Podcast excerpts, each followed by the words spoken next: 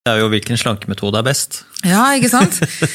der, er det mye, der er det mye å ta tak i. Ja, der er det masse å ta tak i. Det er også noe jeg har skrevet om. Jeg har tatt for meg litt forskjellige sånne dietter og oppfatninger om dietter og sånn, for det, mm. det, er jo veldig interessant.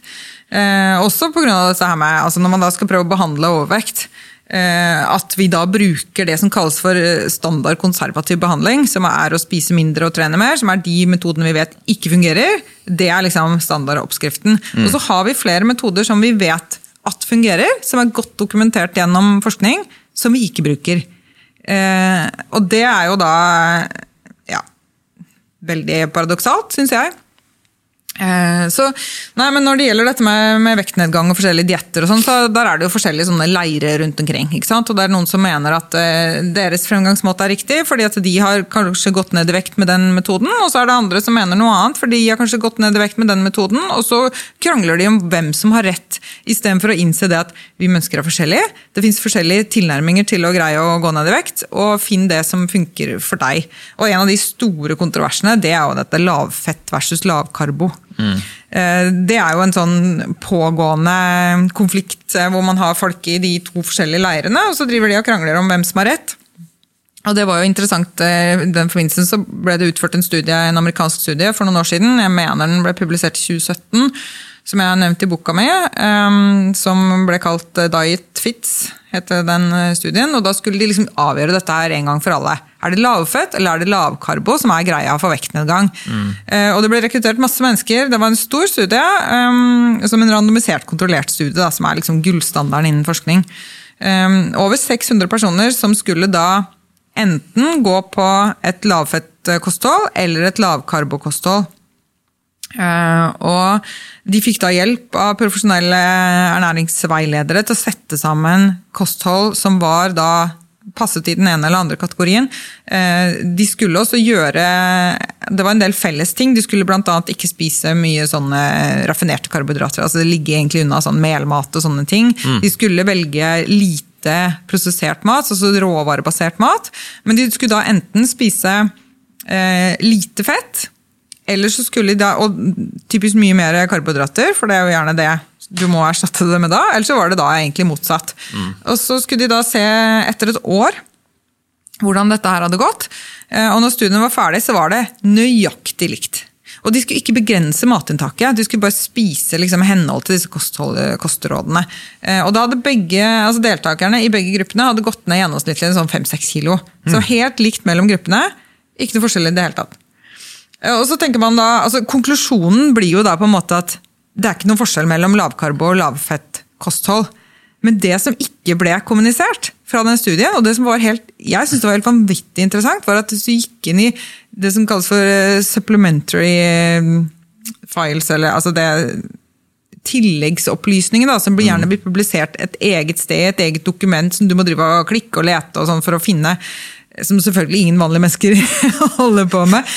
Men der var det en helt fantastisk interessant figur. Mm. Noe som kalles for en sånn waterfall plot, hvor man har plotta alle de individuelle observasjonene eh, bortover på lavkarbo og på lavfett. Og det man kunne se at i begge gruppene, så Da ligger de som sånne punkter bortover på en sånn eh, linje. Og det man kunne se at i begge gruppene så var det noen som hadde gått ned 10 kilo og så var det, nei, Begge gruppene var noen som hadde gått ned 30 kilo, og så var det noen som hadde gått opp 10 kilo.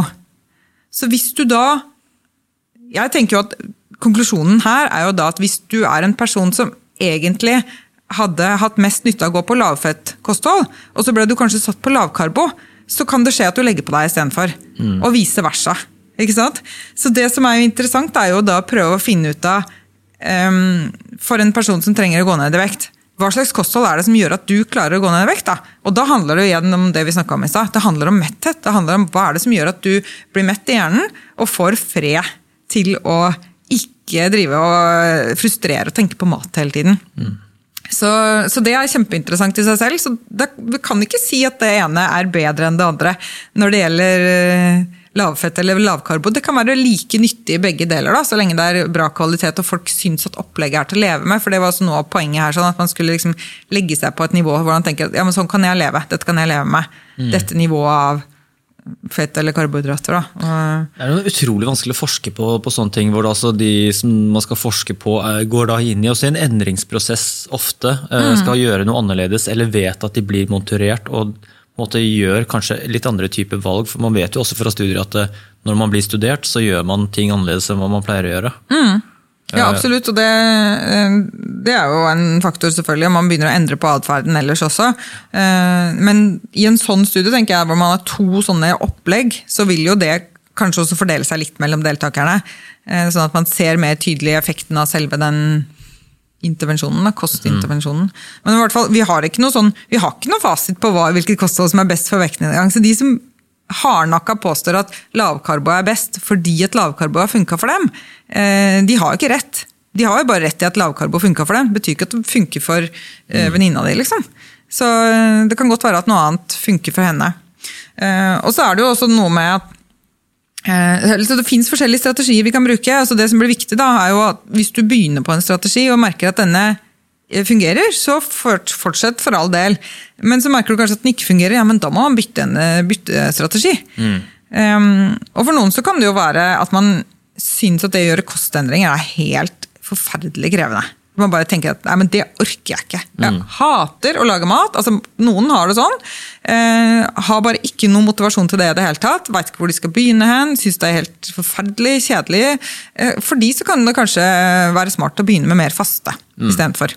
Rett og slett bare kutte antall måltider, ha lengre fasteperioder, og så kanskje man greier å få liksom, den snøballen til å begynne å rulle i riktig retning. Og så ser man at ja, men dette her gir jo faktisk resultater. Jeg har gått ned litt i vekt, jeg føler meg bedre. Så kan jo motivasjonen komme krypende til at mm, kanskje jeg skal litt, eh, fikse litt på kostholdet likevel. Dette her var jo dette var en positiv mestringsopplevelse, ikke sant? for det, jo, det handler om det. Å skape fornya motivasjon til å, til å fortsette. Så, så, så kanskje for de, som har det sånn, så bør de veiledes til å prøve det til å begynne med. da.